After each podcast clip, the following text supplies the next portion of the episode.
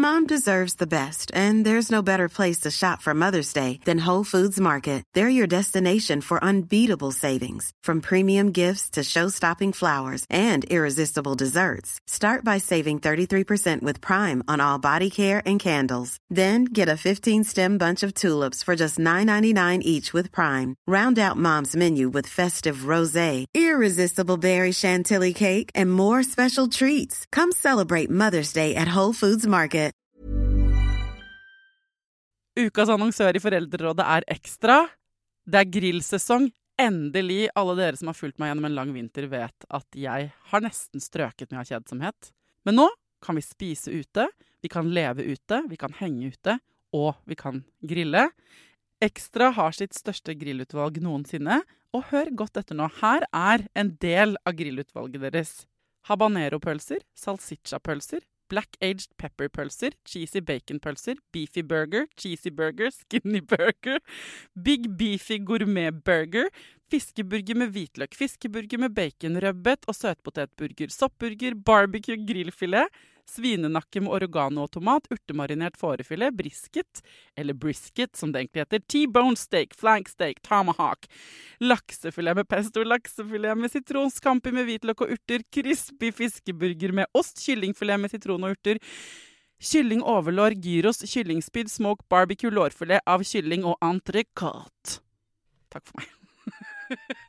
Dette er bare noen av produktene i Ekstra sitt største grillutvalg noensinne, og kommer bl.a. fra Norges mest prisvinnende grillserie, Grill Perfekt.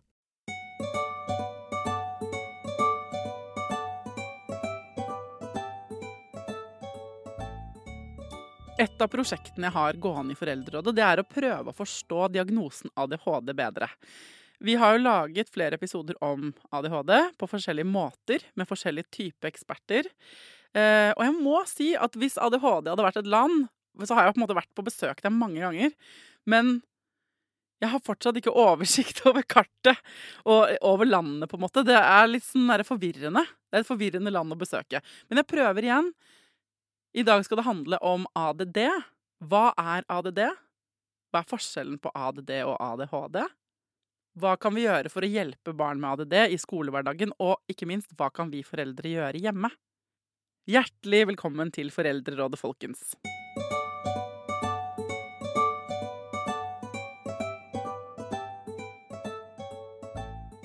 Hjertelig velkommen til Foreldrerådet, Bente Knutsen. Takk. Eh, Du er pedagogisk-psykologisk rådgiver og spesialist i klinisk pedagogikk i Ørland kommune. Og det er der du sitter nå. Vi sitter ikke i samme rom, men eh, du hører meg godt, eller? Ja, hører deg veldig godt. Det vi skal snakke om, er ADD. Kan ikke du forklare hva ADD er? Eh, ja, det kan jeg prøve. Eh, for det som kompliserer det litt, det er jo at vi ikke, når vi diagnostiserer, så diagnostiserer vi ikke som ADD lenger. Eh, for det har jo vært en endring over mange år i forhold til hva denne diagnosen heter. Så jeg kan jo ta, med, ta dere med bare på en sånn liten sånn kort reise, bare for å forstå hvor vi er hen i dag. Diagnosen ADHD har jo eksistert i Eller symptomene da, som vi kjenner som ADHD, har jo eksistert i et par hundre år. Og den første vitenskapelige artikkelen om her symptomene eh, ble skrevet i 1902 av en mann som heter for Georg Still. Og Oi! i, i den artikkelen så heta det for 'defect of moral control'. Eh, så han hadde tolka her symptomene som at det var noe med det moralske kompasset, da, de her barna som hadde de her symptomene. Eh, men ja, det er litt rart å tenke på. Og ettersom årene gikk, da, det gikk ikke så mange år heller, så begynte man å se på dette her på en litt eh, annen måte. Det hadde da nylig vært en pandemi av, nei, epidemi av hjernehinnebetennelse i Nord-Amerika. Og så var det noen som begynte å se på om her symptomene kunne ha sammenheng med den sykdommen. Så da ble den kalt for post-encephalitic behavior disorder. Eh, før den da, etter det igjen, ble omdøpt til minimal brain dysfunction. Og så, i 1968 Da ble det jo egentlig omdøpt igjen, da, eh, til hyperactive reaction of childhood. For da begynte man å tenke at eh, de her symptomene handla mer om hyperaktivitet hos barn og unge. Og så var det på 1980-tallet at man begynte å se at det var jo ikke alle som trengte å ha denne hyperaktiviteten. Noen var jo mer uoppmerksom. Og da ble det igjen omdøpt til ADD pluss H eller ADD minus H, alt etter eh, om man hadde hyperaktivitet eller ikke da, som del av eh, symptombildet. Ok, så ADD er eh, ADHD uten hyperaktiviteten. Ja, så da ble det jo kalt for ADD og diagnostisert som ADD. Eh, og så ble Mm. det ADHD når hyperaktiviteten var en del av symptombildet. Og så, på 1980-tallet, så begynte man å gå over til mer den her ADHD sånn som vi kjenner det i dag. Eh, og det kom ikke i diagnosemanualene til oss her i Norge før på 1990-tallet. Eh, Så siden 1990-tallet i hvert fall, så har vi kalt det for ADHD. Eh, også hvis man hadde overveiende uoppmerksomhet som del av symptombildet sitt, så heter det ADHD uoppmerksom type. Og har man mest hyperaktivitet og impulsivitet, så kaller man det ADHD overveiende hyperaktiv og impulsiv type. Og så har man eh, symptomer på alle de her tre områdene, så kaller man det for ADHD kombinert type. Og det er jo det de kanskje aller fleste som diagnostiseres med ADHD, har, da. Ja, ok. Nå fikk jeg lyst til å lage en annen episode som heter 'Historien om ADHD', hvor man får høre om sånn de første, altså de, uh, Hvordan deala med de med dette for 200 år siden. sånn. Vi skal ikke gjøre det nå, men det var veldig gøy å høre hva Mm. Altså gøy på en sånn øh, det, det er ikke gøy, kanskje, men det er interessant, syns jeg, Mm. hvor um, I et historisk perspektiv. Det, det noterer jeg meg på blokka mi. Og så skal jeg bare definere litt det, vi, det jeg er ute etter i denne episoden. Vi har laget flere episoder om ADHD, om nevroutviklingsforstyrrelser generelt, om medisinering. Og jeg må si bare fra starten av at jeg er forvirret på dette området, må jeg bare si. Mm. Og ehm, det er vanskelig å snakke om ADHD uten å begynne å diskutere Diagnostiserer vi for mange barn med det? Diagnostiserer vi for få barn med det? Burde flere få medisiner? Burde vi ikke gitt så mange medisiner? Og så videre. Så kunne vi bare tatt én fot i bakken innom det først, før vi kan Mm. legge det vekk, og så høre mer om hva du har for råd? Mm. Eh, ja, og jeg tror nok eh, altså Det er jo spesielt i media mye meningsutvekslinger eh, om det her med det du beskriver. Diagnostiserer man for mange, eller diagnostiserer man kanskje òg for få? Er det mange som ikke får den hjelpa de trenger? Eh, og kanskje er det faktisk litt av begge delene. Eh, det er ikke sikkert alltid vi får eh, hjelpa dem vi skal hjelpe, på forskjellige måter. da. Men når det gjelder det her med, med overdiagnostisering eller underdiagnostisering sånn i altså utredningsprosessen i BUP, da, eh, så er det jo forska litt på dette, eller i hvert fall innhenta en del tall for å se om det er noen forskjeller fra klinikkene og mellom landsdelene. Eh, Og det ser man jo at det er, og så vet man ikke helt hva det her handler om. Eh, Man ser at det er enkelte, i enkelte deler av landet gis flere ADHD-diagnoser enn i andre deler av landet. Eh, og så tror man kanskje da at det her kan handle om, eh, eh, om hvor denne grensegangen mellom det som er normalvariasjon og det som vi kan kalle for en diagnose som gjør at vi har så store vansker at vi trenger en diagnose for å få hjelp og oppfølging. Mm. Mens normalvariasjon handler jo om at vi alle sammen i enkelte situasjoner eller situasjoner, eller i deler, perioder av livet, har noe hyperaktivitet. Altså er vi overbelasta, eh, er vi veldig stressa, så kan vi bli litt sånn oppgira og hyperaktive alle sammen. Eh, skal vi sitte og lære om noe vi ikke syns er interessant, så kan vi bli litt uoppmerksom, samme hvis vi er litt sliten eller har det vanskelig en periode. Eh, Så alt dette her er normale, eh, normal atferd som vi alle sammen har. Men så er det omfanget av det. Ja, og der igjen så henger det jo veldig sammen den store diskusjonen vi ofte havner i, da, eller jeg i hvert fall havner i med andre foreldre på privaten, er sånn Setter vi for høye krav til barna våre i det samfunnet som er kanskje mye Altså med, strengere og strengere, da. At de skal inn i skolen så tidlig. Eh, det er ikke den frie utfoldelsen man så for seg at femåring, seksåringene skulle få. Eh, ikke sant? Det er lange dager, vi har, de er mer på skjerm. Alle disse tingene. Er det sånn at vi har laget samfunnet gradvis, eller lager samfunnet gradvis mer one size fits all, og dermed fits no one, på en måte. Mm. Og dermed så får vi mange flere som ikke er normale i gåseøynene fordi eh, normalen har blitt så smal? Eller er det sånn at eh, det er eh, og, og, det kan godt hende at du, som du sa, kan både være det, og at det fins masse folk og unger, både, altså både barn og voksne, som har ADHD og kunne godt trengt mer hjelp eller medisiner, men som ikke får det. Ikke sant? Mm. Og tilbake til ADD, da, som, da ikke, som ikke har den hyperaktive biten, så um, er det vel kanskje litt vanskeligere å se? Eller? Mm. Det er mitt fordom, kanskje. Jeg vet ikke. Ja, men det tror jeg absolutt at du har rett i. Altså, det, de oppdages nok senere enn dem som har denne hyperaktiviteten og impulsiviteten som blir veldig synlig for andre rundt, og kanskje lager litt trøbbel for dem rundt òg.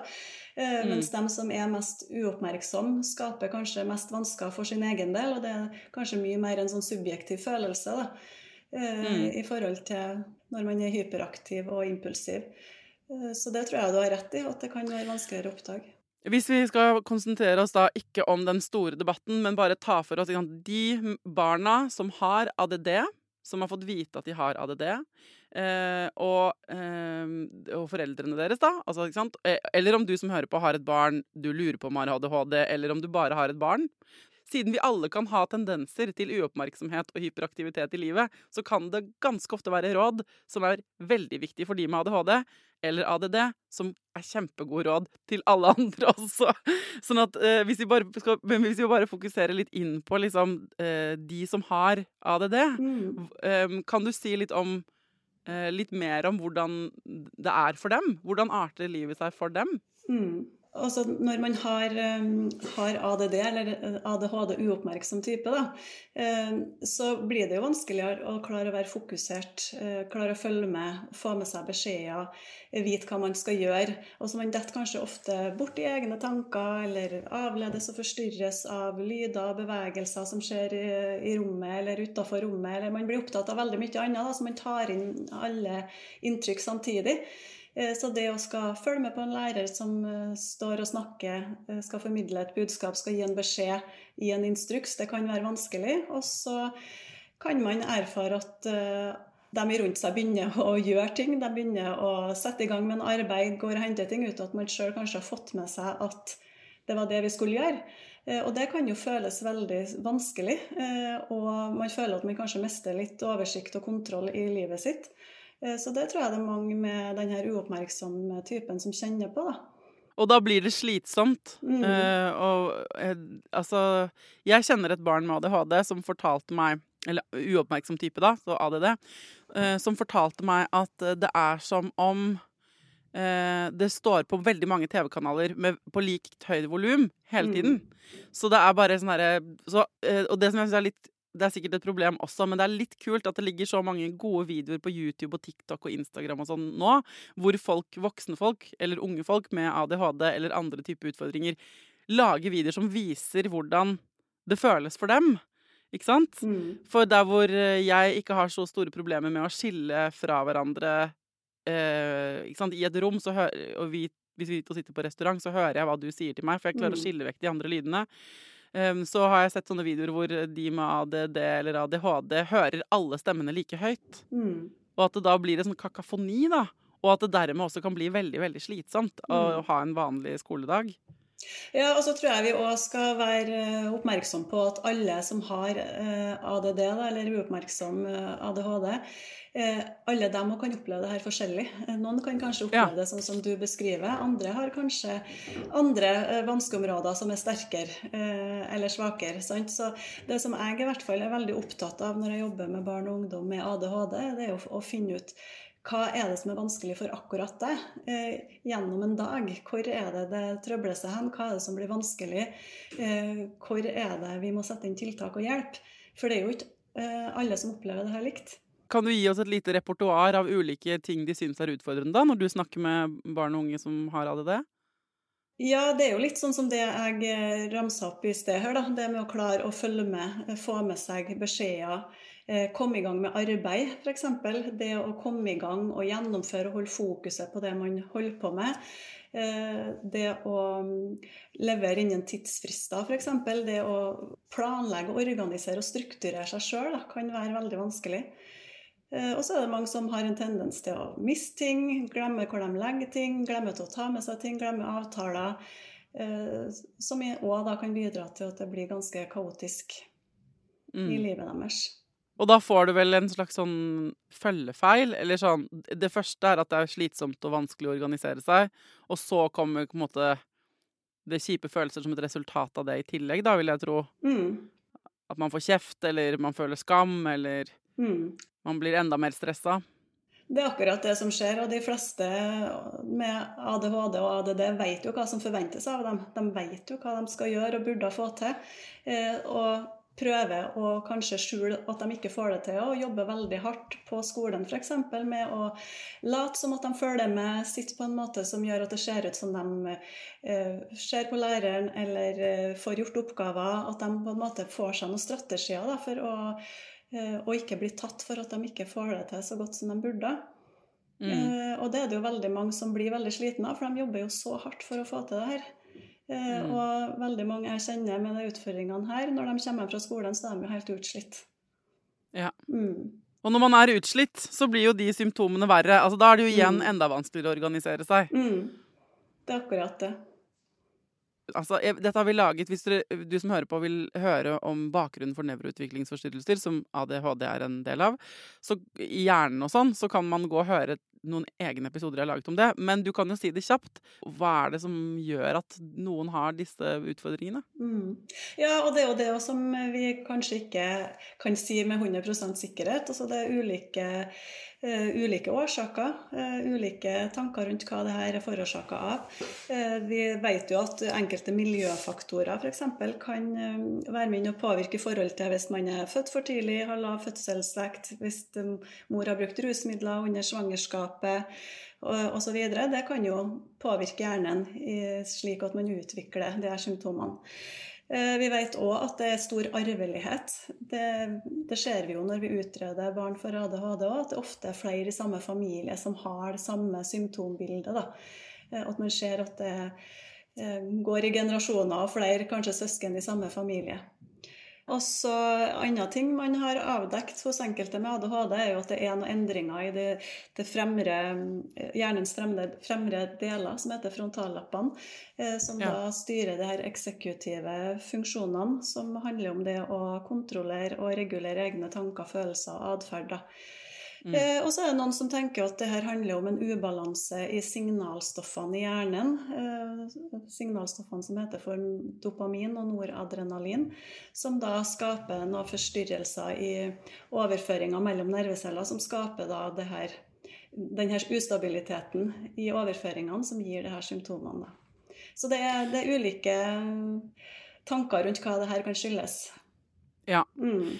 Eh, og det er jo også veldig interessant. Hvis du som hører på har sånn en veldig interessant innfallsvinkel, eller hørt om en eller annen studie du vil at jeg skal gå inn så Send gjerne flere overskrifter og tips til hvordan vi kan angripe tematikken ADHD. For jeg tror vi må rett og slett bare lage Jeg, da, det jeg kan bidra med, er å lage episoder fra mange vinkler, og så må folk som har barn med ADHD, eller som har ADHD selv, eller som er nysgjerrig, må på en måte inn i det feltet. Og så er det ikke sånn at det er to streker under svaret på nesten noen ting. Og det er derfor det er så bra at ulike fagfolk stiller opp med ulike vinklinger. Og så er det frustrerende. Det er frustrerende å være forelder i det landskapet der. Det er frustrerende å være barn. Fordi man skulle jo litt ønske at man kunne ta en blodprøve og finne ut ja, jeg har ADHD uoppmerksom type, jeg Mm. trenger Italin. Eller jeg trenger ikke det. Mm. Ikke sant? Så, men enn så lenge så er vi jo ikke der. Eh, Det går ikke an. Eh, Så da må vi utforske det på ulike vis. Du har jo Mm. skrevet en bok, det glemte jeg å si i introen, men den heter 'Lær mer om ADHD'. En håndbok for foreldre, foresatte og andre nærpersoner. Mm. Hva er det så vi kan gjøre? Det er for at du har en bok til og med om det. eh, For å støtte ungene våre bedre. Mm. Først var du inne på at vi må kartlegge hvor er det, det dette barnet har utfordringer. Er det, ikke sant? Hvor er hvilk, hvilken del av dagen er vanskeligst? Men hva er, det, hva er det vi kan gjøre? Har du noen Mm. generelle råd? Ja, det har jeg, men før jeg går inn på dem, så har jeg litt sånn lyst til å si noe om det her med at det er så vanlig og andre vansker i tillegg. Eh, For det jo er noe med å forstå utfordringsbildet. Eh, Så bare for å gjøre det på en måte enda vanskeligere, eh, så er det jo sånn at For det første så er jo de her symptomene på ADHD, og som jeg sa, de her årsaksfaktorene som man tenker kan spille inn i utviklinga av ADHD, det er jo én side av det. Men så vet vi jo òg at andre tilstander kan gi ADHD-symptomer. F.eks. hvis man har stor stressbelastning, hvis man er utsatt for omsorg, omsorgssvikt, traumer, har lærevansker, språkvansker, angst, depresjon. Altså det er mye som kan ved første øyekast se ut som ADHD. og Det er jo derfor det er så veldig viktig da, å utrede og kartlegge og eh, se eh, og nøye på hva det her handler om. Eh, mm. Og så er det jo sånn at har man ADHD, så er det òg veldig vanlig at man har én eller flere andre vansker i tillegg. Eh, så mm. det å drive og sortere og skille på hva som gir hvilke, hvilket vanskebilde, det kan være vanskelig noen gang. Eh, men man skal være klar over at har man ADHD, så kan man ha andre vansker som rett og slett er forårsaka av at man har ADHD. Litt sånn som det du sa i sted. At eh, man kanskje kan få angst, depresjon, altså blir veldig nedstemt og tung fordi at uh, man føler at det er så mye man ikke får til. Man har over lang tid blitt forstrekt, strekt, utsatt for krav som man ikke er i stand til å få til. Sånn at da kan man få tilleggsutfordringer som man òg trenger å få hjelp for som da er mm. forårsaka av at man har ADHD. Men så kan man òg ha andre vansker i tillegg til ADHD, fordi at man har en mer sårbarhet i seg sjøl til å utvikle en del andre vansker, som f.eks. lærevansker, språkvansker. Eh, Tourettes syndrom er vanlig å ha. Så det, det, å kartlegge vanskebildet godt før man begynner å gå i gang med tiltak, syns jeg er veldig viktig. da. Mm. Eh, for det hjelper ikke å sette inn kun tiltak på ADD, ADHD, hvis man òg har en lærevanske eller uh, språkvanske i tillegg, for å si det sånn, da må man òg sette inn tiltak og hjelp for det. Og det er jo nettopp, Nå er vi jo godt nedi det som er den jungelen ikke sant? Mm. av ulike nevroutviklingsforstyrrelser. Høna mm. eller egget. Hva er hva? Hva kommer først? Hva påvirker hva? Og den, den, Det er derfor den utredningen er vanskelig, og det er derfor uh, det blir forvirring. Mm. Ja, og så I tillegg da, så kan jo òg Eh, det psykososiale eller det relasjonelle rundt barnet eh, påvirke en ADHD. Har du medfødt ADHD, og så er du oppvokst i et eh, miljø, enten med venner eller foreldre som ikke klarer å møte deg på en god måte, så vil jo de ADHD-symptomene forsterkes. I motsetning mm. til om du blir, har det relasjonelle trygt og godt rundt deg, så vil du kanskje klare å holde det mer stabilt. Eh, det samme er jo, at, og som jeg er opptatt av, at eh, familier som har et barn med ADHD, de relasjonene vil jo òg bli utfordra og påvirka av det, den atferden hos barn og ungdom med ADHD. Fordi de mm. stadig må gi påminnelser, passe på at det blir gjennomført, eh, korrigere atferd osv. Og, og kanskje står i en del eh, ja, en, en del konflikter pga. stress og føl, eh, følelsesreguleringsvansker osv. Ja, det er jo en kompensasjon som foregår i de familiene. Så de som hører på nå, som har barn med ADHD, de meldingene jeg får i innboksen, er jo også sånn det er, eh, det er bare sånn hjertesukk, da. Mm. Hvor det er sånn Det er så slitsomt. Mm. Altså, det er slitsomt for alle å komme seg ut av døra om morgenen når man mm. har flere barn. Og det kan være kavete, det, for alle.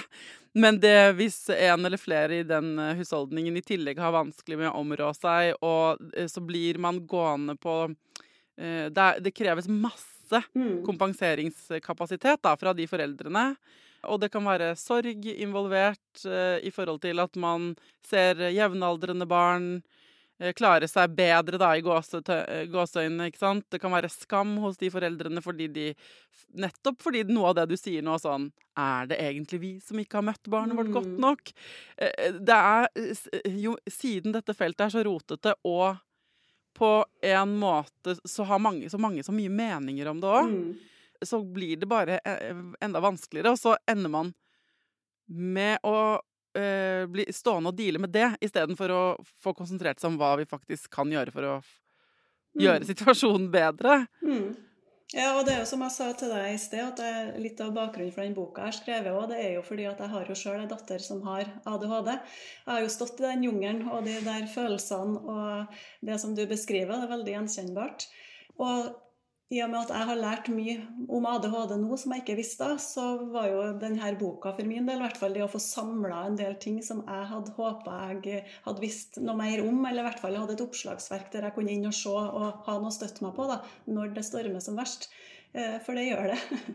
Eh. Men kan du ikke gi oss litt av det oppslagsverket nå? For det, det, føler jeg at uh, Nå har vi kartlagt hvor vanskelig det er i jungelen. Mm, ja. Når alt det er sagt, mm. hva kan vi gjøre? Det er sant. Hva kan vi gjøre? Eh, og I forhold til vanlig oppfølging og behandling for barn og unge med ADHD, så har vi jo det som du sier, den her med medikamentell behandling. Det er én mulighet. Eh, men det som jeg er veldig opptatt av òg, det er det her med psykoedukasjon. Det å få god opplæring i diagnosen sin. Eh, og det er noe som eh, jeg ble veldig opptatt av etter at jeg skrev masteroppgaven min i 2018. Eh, da skrev jeg om behandling og oppfølging av personer med ADHD, og fant da at psykoedukasjon er veldig viktig. Og det første som man bør gjøre etter at man har fått vite at man har diagnosen, så bør man få opplæring i diagnosen sin fra behandler. Og så starta jeg jo sjøl som kliniker i BUP i 2018 etter at jeg skrev den masteroppgaven. og da hadde jo det her da veldig langt fram i panna og viktigheten av det. Og så erfarte jeg at teori og praksis ikke nødvendigvis stemte så godt overens. da. Eh, og opplevde at det var eh, veldig store variasjoner i både omfanget av psykoedukasjon som ble gitt, og innholdet, og om det ble gitt i det hele tatt. Når vi skal finne ut om noen har en ADHD, så kikker vi på det her med hyperaktivitet, impulsivitet og oppmerksomhet. Vi kikker på hvor store vansker man har grunnet det her, og avklarer da om det her er såpass alvorlig og skaper så stort trøbbel for den enkelte at eh, det blir viktig eh, å få videre hjelp og oppfølging, og får da en diagnose for å få tilgang på det. Mm. Og så er det viktig å avgrense videre i en sånn psykoedukasjon. Går vi inn på hva, hva er noe hyperaktivitet? Altså Hyperaktivitet er jo kanskje mest kjent for den her motoriske uroen. Men så tenker jeg kanskje spesielt for dem som har ADD eller den uoppmerksomme typen, at vi skal være bevisst på at de òg kan ha noe av den her subjektive uroen eller hyperaktiviteten som ikke er så synlig. Mom deserves the best, and there's no better place to shop for Mother's Day than Whole Foods Market. They're your destination for unbeatable savings, from premium gifts to show-stopping flowers and irresistible desserts. Start by saving 33% with Prime on all body care and candles. Then get a 15-stem bunch of tulips for just $9.99 each with Prime. Round out Mom's menu with festive rosé, irresistible berry chantilly cake, and more special treats. Come celebrate Mother's Day at Whole Foods Market Here's a cool fact a crocodile can't stick out its tongue. Another cool fact you can get short term health insurance for a month or just under a year in some states. United Healthcare short term insurance plans are designed for people who are between jobs, coming off their parents' plan, or turning a side hustle into a full time gig. Underwritten by Golden Rule Insurance Company, they offer flexible, budget friendly coverage with access to a nationwide network of doctors and hospitals. Get more cool facts about United Healthcare short term plans at uh1.com. Ukas annonsør i Foreldrerådet er Nextory. Det er en lydbok- og e-bok-app. Altså, du kan både høre på bøker og lese dem på telefonen din eller nettbrettet ditt. Og akkurat nå så får du 45 dager gratis både til deg som kanskje har prøvd Nextory før, men også til deg som er helt ny. Jeg digger at også de som har prøvd det før, får lov til å prøve igjen. For å få 45 dager gratis, gå inn på nextstory.no foreldrer. Nextory har tusenvis på tusenvis av bøker du kan lytte til eller lese. Og i dag har jeg tenkt å anbefale eh, noen bøker som eh, faller innenfor det som kanskje kalles selvhjelpsbøker. Men den kategorien har jo litt ufortjent dårlig rykte, spør du meg. Den første boka jeg vil anbefale, er boka som heter 'Psykolog med sovepose'. Johanne Refseth, som har skrevet den boka, var jo gjest her for noen uker siden. Den er absolutt verdt å lese eller lytte til. Andre anbefalingen jeg vil gi deg, er Sissel Grans bok 'Men størst av alt er begjæret', som handler om det å begjære noen andre enn den du er sammen med. Og jeg har også laget en episode med Sissel Gran om det temaet for et par år siden. Den boka er fantastisk. Hvis du har lyst til å prøve ut Nextory for første gang, eller eh, har prøvd ut før, men vi prøver det ut igjen helt gratis i 45 dager, gå inn på nextstory.no skråstrek foreldrer. Ok, Så når man har fått vite at man har en ADHD-diagnose, så er det Eh, eh, et viktig innspill fra deg at psykoedukasjon på BUP-en, at barnet lærer, og dere foreldre òg, men at barnet lærer å kjenne igjen sin egen diagnose, mm. og hva, hvordan den oppstår. Det er det du mener med det, ikke sant? At det er viktig? Ja, og hva, hva det her betyr for meg. Eh, hva er ADHD, og hva betyr det for meg? Eh, og mm. hva kan jeg gjøre for å få det bedre? Eller eh, ja, å ha noen mm. støttesamtaler i forhold til hva man kjenner seg igjen i, for anerkjennelse fra behandler på at skjønner at det kan være vanskelig, og sammen finne ut av hva vi kan gjøre med det. Så psykoedukasjon er jo å vite hva ADHD er, for jeg har nok erfart for mange ganger da, når jeg snakker med barn jeg, som har diagnosen ADHD og ikke fått psykoedukasjon, og så spør du dem Veit Vet du hva ADHD er for noen ting? Eh, og det er det faktisk ikke alle barn med ADHD som gjør, selv om de kanskje har hatt diagnosen i mange år. Så jeg syns ah. at det er veldig viktig, for eh, skal du klare å hjelpe noen, så må de jo vite eh, hva ADHD er, og hva det betyr for meg, og det, ja, hvordan påvirker det mitt liv. Helt enig. Og med tanke på hvor mye vi nå har snakket sammen om hva det er, så er det jo ikke så veldig lett. Det er jo ikke rart at barn når vi mm. voksne nesten ikke skjønner helt hva det er, mm. så er det jo ikke så rart at ungene våre, selv med diagnosen, ikke forstår det helt. Mm. Ja, altså, En ting er at de ikke forstår det, men de forstår det kanskje på en annen måte. De tenker at det handler om andre ting. Og hva gjør det da med kanskje sjøltilliten din eller sjølfølelsen din, hvis du begynner å, å, å forbinde det her med en del andre ugreie ting. Da. Um, mm, mm. Mm. Så det, det, tenker jeg er viktig. at Har man et barn uh, som får en uh, ADD eller ADHD-diagnose, at man ber om å få psykoedukasjon i BUP, da, sånn at man i enden av en uh, utredning og beskjed om diagnose får en god opplæring i hva det handler om, og ikke bare drar hjem og vet at man har ADHD, og ikke så mye mer enn det. Bra. Sånn at mm. uh, folk noterer seg nå psykoedukasjon som et stikkord som de skal mm. be om å få mer av på BUP, mm. hvis ikke de har fått det. Mm. Ja. Og så har du medikamentell behandling som tilbys uh, til dem som kan være aktuelle for det i BUP. Og så er det da tiltak og tilrettelegging i skole og på fritida som er på en måte det viktigste når man har et barn som har ADD, og sørge for at man har god tilrettelegging, sånn at man mestrer dagene sine best mulig. Eh, det... Hva er god tilrettelegging på mm. privaten? Nå skal vi hjem til deg og din datter, eller til de der hjemme ute som har eh, barn eh, mm. med ADHD. Hvordan ser det ut? Mm. Jeg tenker at det er viktig å gi tydelige beskjeder korte, konkrete beskjeder. Vi vet at mange med ADHD, og spesielt ADD, da, kanskje, som strever litt med oppmerksomheten, det å eh, lagre og huske fleileder og lange beskjeder er vanskelig. Eh, og så har vi voksne en tendens til å gi veldig mange beskjeder etter hverandre. Eh, så det, det, å gi én beskjed og være konkret på hva som skal gjøres, og, og gjerne si da hva som skal gjøres og ikke hva som ikke skal gjøres, det tenker jeg òg er viktig. Vi er nok også snar til å irettesette eller si hva man ikke skal gjøre, men vær tydelig på hva du ønsker at barnet skal gjøre. Eh, men skal man, kan jeg spørre om noe her? For at, uh, en ting er det å si sånn Gå og ta på deg sko. Mm. Uh, ta med deg matpakken. Mm. ikke sant? Det er jo korte beskjeder. Mm. Uh, men etter hvert som barn blir eldre, så uh, vil de jo i større grad For at alle barn når de er små, forstår sånne korte beskjeder, og så man, kan man gi flere og flere ledd etter hvert som de vokser. ikke sant? Mm. Hvordan er det for folk med ADHD? Altså, hvor, hvor, gradvis kan man på en måte forvente en utvikling der? Og det tenker jeg jo, Den variasjonen vil jo òg være stor, selvfølgelig. Eh, noen eh, strever jo ikke så mye med de her flerledda beskjedene i utgangspunktet, mens andre strever i mye større grad. Eh, så det blir jo veldig sånn individuelt, så det er litt sånn vanskelig å si akkurat når man kan forvente det. Men man merker jo ganske fort kanskje når man kan øke på med litt flere beskjeder. Eh, og så tenker jeg jo det mange vil jo kanskje alltid streve med det her med planlegging, organisering, det her med å strukturere seg sjøl. Så det å tidlig begynne å lære seg å bruke hjelpemidler som i form av, av planer. Øktplaner, timeplaner, ukeplaner, eh, handlingsrekker, huskelister. Eh, lære seg noen gode strategier for hvordan man skal klare å ha kontroll i eget liv. Da. Eh, Mm. Og det kan vi jo kjenne oss igjen eh, alle i, at det er godt å ha en kalender der det står hva du skal gjøre, eller skal du på butikken, så er det fint å ha en handleliste. Og så trenger kanskje dem det i litt større grad ellers i hverdagen òg.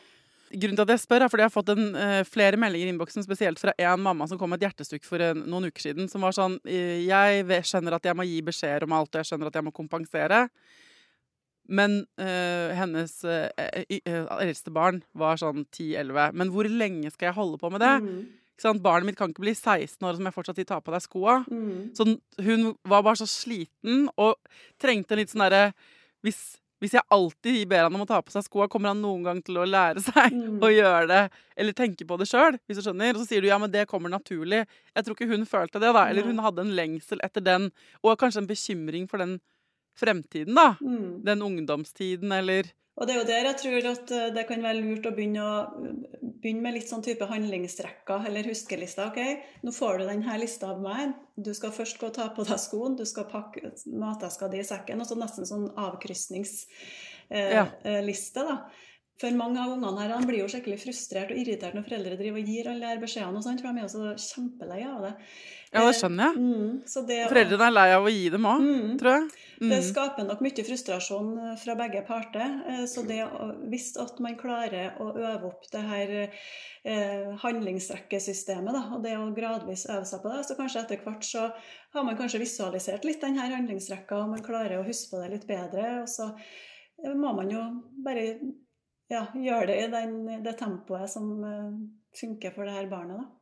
Ja, det gir veldig mening når jeg er overveldet selv. Mm. Så er det, er det noe tidspunkt jeg trenger liste på for å tømme hjernen min, så er det da, ikke sant? Mm. Men når man er overveldet, så er det jo vanskelig å Mm. komme på at man burde ha skrevet noe i kalenderen. Det er jo Mm. derfor ting går blir dobbeltbooking og Mm. dårlig, at det blir dårlig kommunikasjon. Så det der å bare eh, tenke på de strukturene som hvis du er stressa og kavete som voksen, vil hjelpe deg. Mm. Skrive ting ned, ha gode rutiner, gjøre ting på automatikk litt.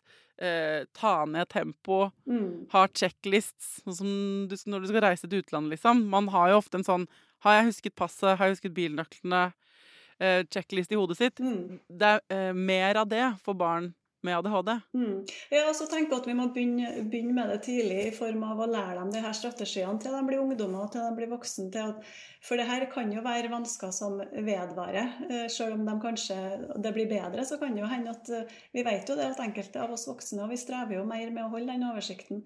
Så det å ha Mm. fått inn det her godt inn under huden før man skal ut i voksenlivet, og ha noen gode strategier på det, det tror jeg er viktig, da. Ja. Mm.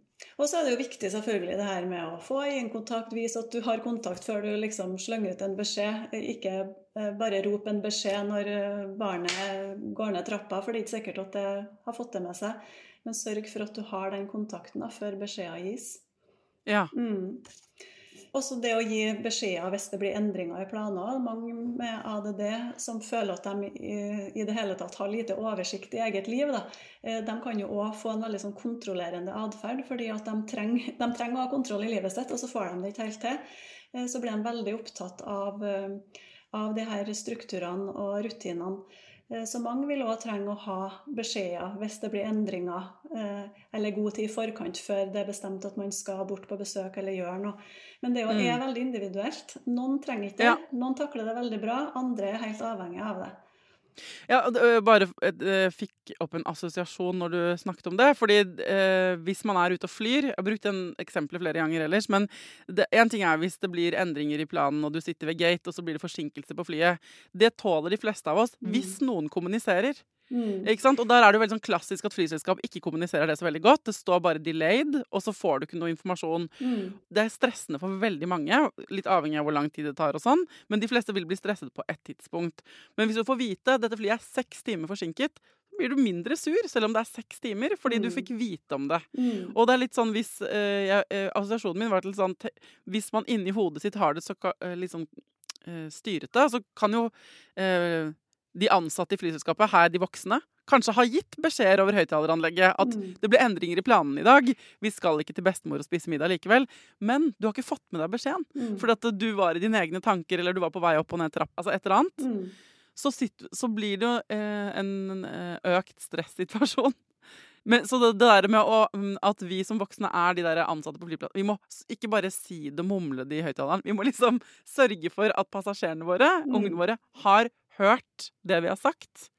Ja. Um, skjønner du hva jeg mener? Det tror jeg At det er en viktig. bit. Mm. Og Ja. så tror jeg det er viktig å si det i god nok tid. Sånn at hvis man er opptatt med andre ting, hvis man sitter at man ikke da blir avbrutt og så revet ut av det man holder på med, men at man får beskjed i god tid, eh, sånn at man er forberedt og kan ferdiggjøre det man holder på med. Og all, alle sånne forberedelser da, skaper mer ro eh, Mm. og mindre konflikter. Og dette gjelder jo selvfølgelig også på skolen. Altså sånn Mm. tydelig klasseledelse, forberedelse til dagen. Og dette føler jeg vi har snakket om mange ganger i Foreldrerådet. Dette har jo alle barn Mm. eh, i en klasse godt av. Det er jo ingen som sier sånn 'Å nei, nå ble vi forberedt på dagen'. Mm. Eh, det er jo en Det er det samme som når man skal på firmatur, det. Det er deilig å vite hva som skal skje. Ikke sant? Ja.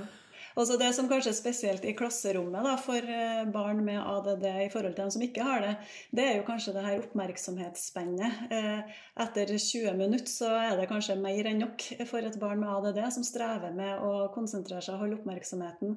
Eh, Og etter det kanskje ikke klarer å få produsert noen ting, fordi at da er man bare helt Da er man forstrekt da, på det oppmerksomhetsspennet sitt.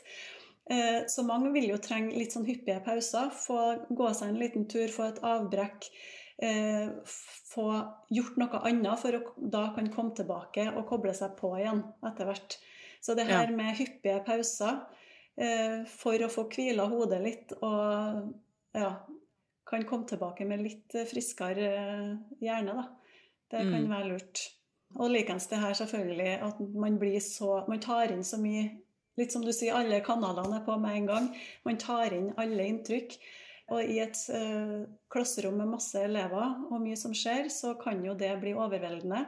Så det, det å få jobbe i litt mindre grupper, eh, det å få sitte på et skjermast i klasserommet, kanskje kan man få sitte med lyddempende headset eller musikk på ørene. Og så litt sånne type strategier da, som kan gjøre det litt enklere eh, å jobbe i et klasserom.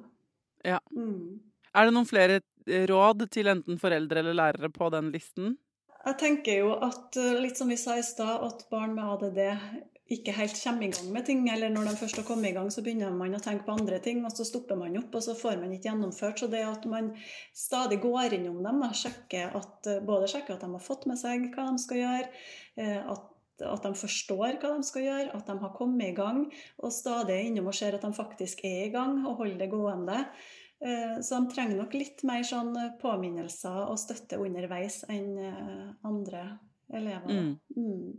Ja, og på hjemmefronten også, hvis det skal bakes eller vaskes Mm. eller ryddes, eller hva det nå er man må gjøre på hjemmefronten. Mm. Og der å kanskje gi én oppgave av gangen, men gi litt sånn tydelige instruksjoner på hva som skal gjøres, eh, og følge med og følge opp at det blir gjort, sant. For de eh, ungene her de avledes jo lett. Plutselig så ser de eh, noe annet de ble mer interessert i, så ble ikke denne oppvaskmaskinen så interessant å ta ut av likevel. Og så har de egentlig helt glemt at de skulle ta ut av den. og så ja. Jeg kjenner meg så innmari hjemme da, eller sånn i livet. Ja.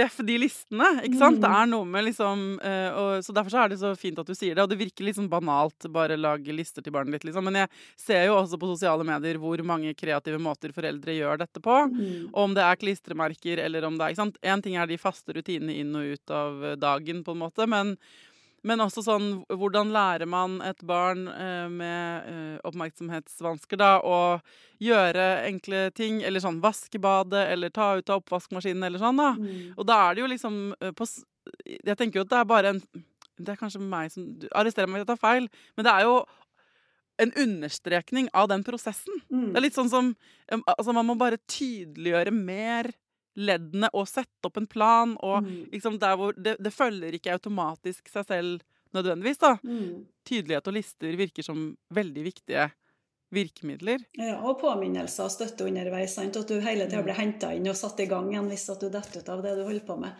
Eh, For det trenger ikke alltid å være en bevisst handling. Sant? Man bare blir opptatt av andre ting, og så glemmer man egentlig litt hva man holder på med. Eh, Og da kan jo dette her med med irettesettelse eller negative tilbakemeldinger når du egentlig ikke helt har skjønt hva du har gjort feil der og da, da for at du bare sklir med alle tanker og alle avledninger som du kommer borti. Da. Men heller gi disse vennlige støttene og påminnelsene som henter inn. Da. Og så skjønner jeg jo at det er veldig krevende når du kommer hjem fra jobb og er sliten som forelder og skal eh, fotfølge for å få dette her gjort. da.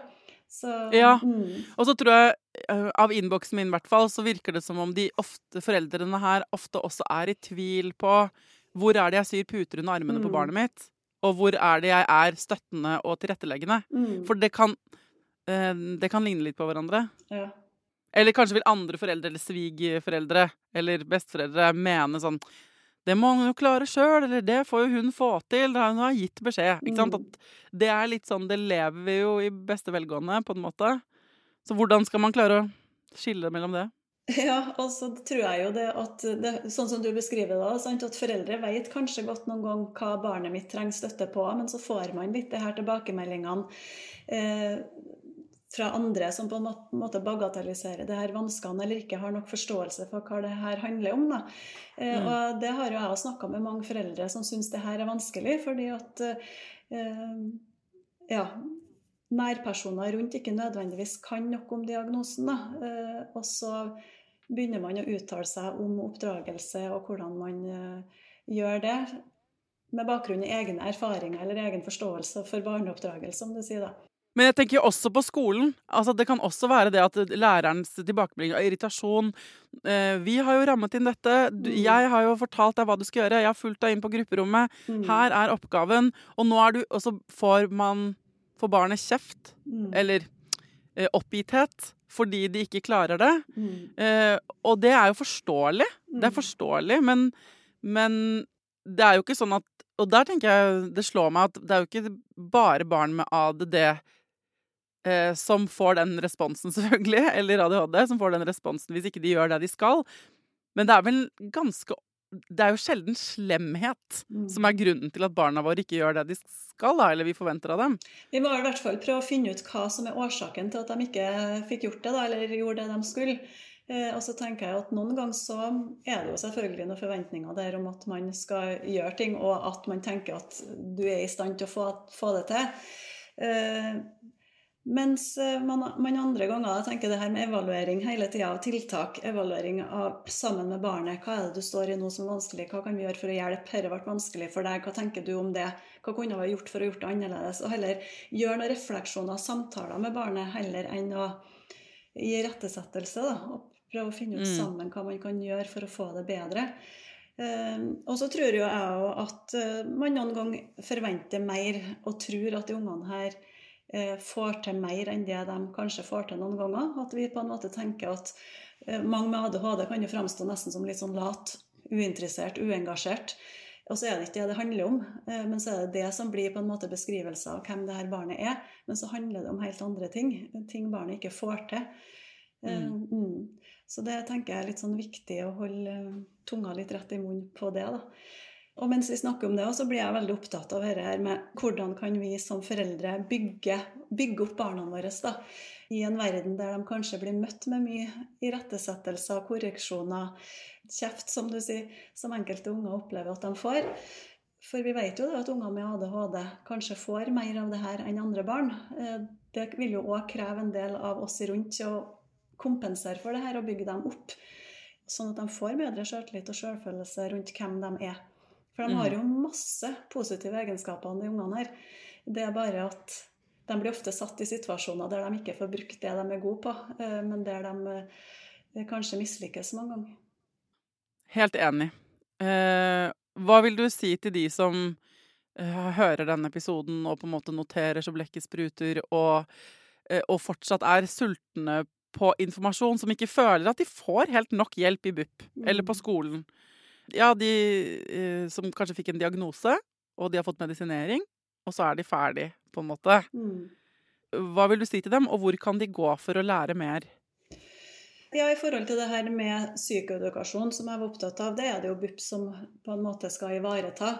Eh, og så håper jeg jo at vi har kommet dit nå at de som får diagnosen nå, eh, får eh, god opplæring i diagnosen sin men hvis man på en måte ikke blir tilbudt det, og man er i BUP, så må man etterspørre det. Men så har du jo dem som kanskje fikk diagnosen for ti år siden, da det kanskje var mye mindre fokus på det her med psykoedukasjon. Og da må man jo eh, undersøke hvordan, om det er noen plasser man kan uh, gå der, i sin kommune, eller om en, man kan ta kontakt med BUP og høre om de kan tilby noen timer med psykoedukasjon. Da, hvis man tenker at det er behov for det. Mm. Og ellers så er det jo litt det som jeg har prøvd å Eh, kompensere litt for i den boka. At jeg har prøvd å samle mye. Det er jo, der har jeg liksom ordnet noen sånn tiltakslister, eh, tips og råd. Eh, prøvd å fått med en del ting som jeg tenker at det kan være lurt å vite noe om som forelder. Og så kan jo da kanskje foreldre prøve å gå gjennom noe av de her listene sammen med sine barn og krysse av for hva er det de kan tenke seg og kan hjelpe for dem, eller som de har lyst til å mm. prøve av tiltak. Ja, og så anerkjenner jeg den jobben. altså, det, jeg skulle av og til ønske at de foreldrene som har barn med utfordringer som ADHD eller andre nevroutviklingsforstyrrelser det fins mange gode støttegrupper der ute, og jeg mm. anbefaler dere liksom å organisere dere litt. For jeg ser i min innboks hvert at jeg, jeg, får lyst til å sette dere sammen i en gruppe, fordi det er så anerkjennende å se at andre også syns dette er vanskelig. Mm. Og det er ikke rart man syns det er vanskelig. Det er tøft nok å ha unger i utgangspunktet. Og for hver tilleggsutfordring, og hvis den, er, sant, eh, hvis den blir litt misforstått der ute eller Det er masse dette her som er utfordrende. Så ADHD Norge eller sant, Alle nevroutviklingsforstyrrelsene har egentlig sine egne støttegrupper. Mm. Og det er masse sånne ressurser å hente der ute. Så jeg vil bare minne folk om det. At du skal ikke sitte alene hjemme og være utslitt og ikke få snakka med noen mm. om disse utfordringene. For det fins eh, ja, spesialister som Bente, eh, eller, eller, foreldre som Bente. Mennesker som har gått gjennom det, som har prøvd ut ting, som har kunnskap, erfaringer, som kan uh, hjelpe til å komme med inspirasjon, men som også kan ta imot deg når du er drittsliten. Ikke sant? For, at, for å være gode foreldre til barna våre, så må vi jo hvile oss litt og mm. få ut egen frustrasjon òg, sant? Ja, jeg vil bare si det på tampen. Mm. Absolutt. Viktig innspill. Hvis folk sitter og lurer nå på, og har et spørsmål fra sitt eget liv som de vil stille deg, Bente, mm. eh, hadde det ikke vært gøy om de sendte det inn, og så kunne vi lage en sånn Q&A? Ja, det var veldig interessant.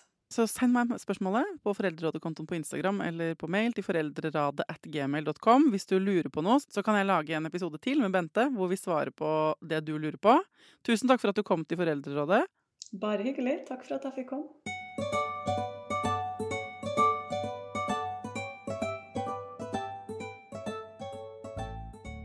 Hvis du som hører på nå sitter med en sånn ah, men Thea, du stiller jo ikke de riktige spørsmålene om ADD eller om ADHD, eller det virker som om du har misforstått et eller annet, eller Hvis du har noen sånne tilbakemeldinger til meg, eh, som kan hjelpe meg å håndtere denne tematikken på en bedre måte, så vil jeg gjerne høre fra deg. Da må du sende meg en mail foreldreradet.gmail.com eller til Foreldrerådekontoen på Instagram. Fordi det er ikke en one size fits all-diagnose, og vi trenger å snakke mer om den, samtidig som at hver gang, hver eneste gang jeg prøver å snakke mer, og vil snakke mer om ADHD, så sitter jeg igjen og er litt mer forvirra. Altså, jeg blir jo litt klokere, det er ikke det, men jeg, jeg blir ikke tilfredsstilt.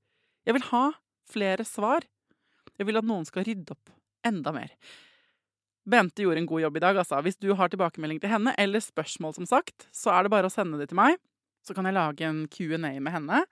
Og hvis du har tips til andre eksperter eller innfallsvinkler til denne tematikken, så er det bare å si fra. Det blir jeg veldig glad for. Til neste gang, ta vare på deg sjæl, ta vare på ungen din, og lykke til.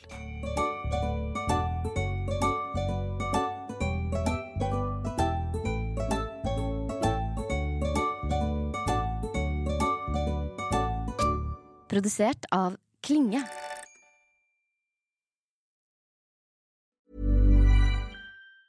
Mom deserves the best, and there's no better place to shop for Mother's Day than Whole Foods Market. They're your destination for unbeatable savings, from premium gifts to show-stopping flowers and irresistible desserts. Start by saving 33% with Prime on all body care and candles. Then get a 15-stem bunch of tulips for just $9.99 each with Prime. Round out Mom's menu with festive rosé, irresistible berry chantilly cake, and more special treats. Come celebrate Mother's Day at Whole Foods Market. Market. Imagine the softest sheets you've ever felt. Now imagine them getting even softer over time. That's what you'll feel with Bowl and Branch's organic cotton sheets. In a recent customer survey, 96% replied that Bowl and Branch sheets get softer with every wash. Start getting your best night's sleep in these sheets that get softer and softer for years to come. Try their sheets with a 30-night guarantee. Plus, get 15% off your first order at bowlandbranch.com. Code BUTTERY. Exclusions apply. See site for details. Hey, it's Paige DeSorbo from Giggly Squad. High quality fashion without the price tag. Say hello to Quince. I'm snagging high-end essentials like cozy cashmere sweaters, sleek leather jackets, fine jewelry, and so much more. With Quince being 50 to 80% less than similar brands. And they partner with factories that prioritize safe, ethical, and responsible manufacturing. I love that. Luxury quality within reach. Go to quince.com slash style to get free shipping and 365 day returns on your next order. Quince.com slash style. Hi, I'm Daniel, founder of Pretty Litter. Cats and cat owners deserve better than any old fashioned litter. That's why I teamed up with scientists and veterinarians to create Pretty Litter. Its innovative crystal formula has superior odor control and weighs up to 80% less than clay litter. Pretty Litter even monitors health by changing colors to help detect early signs of potential illness. It's the world's smartest kitty litter. Go to prettylitter.com and use code ACAST for 20% off your first order and a free cat toy. Terms and conditions apply. See site for details.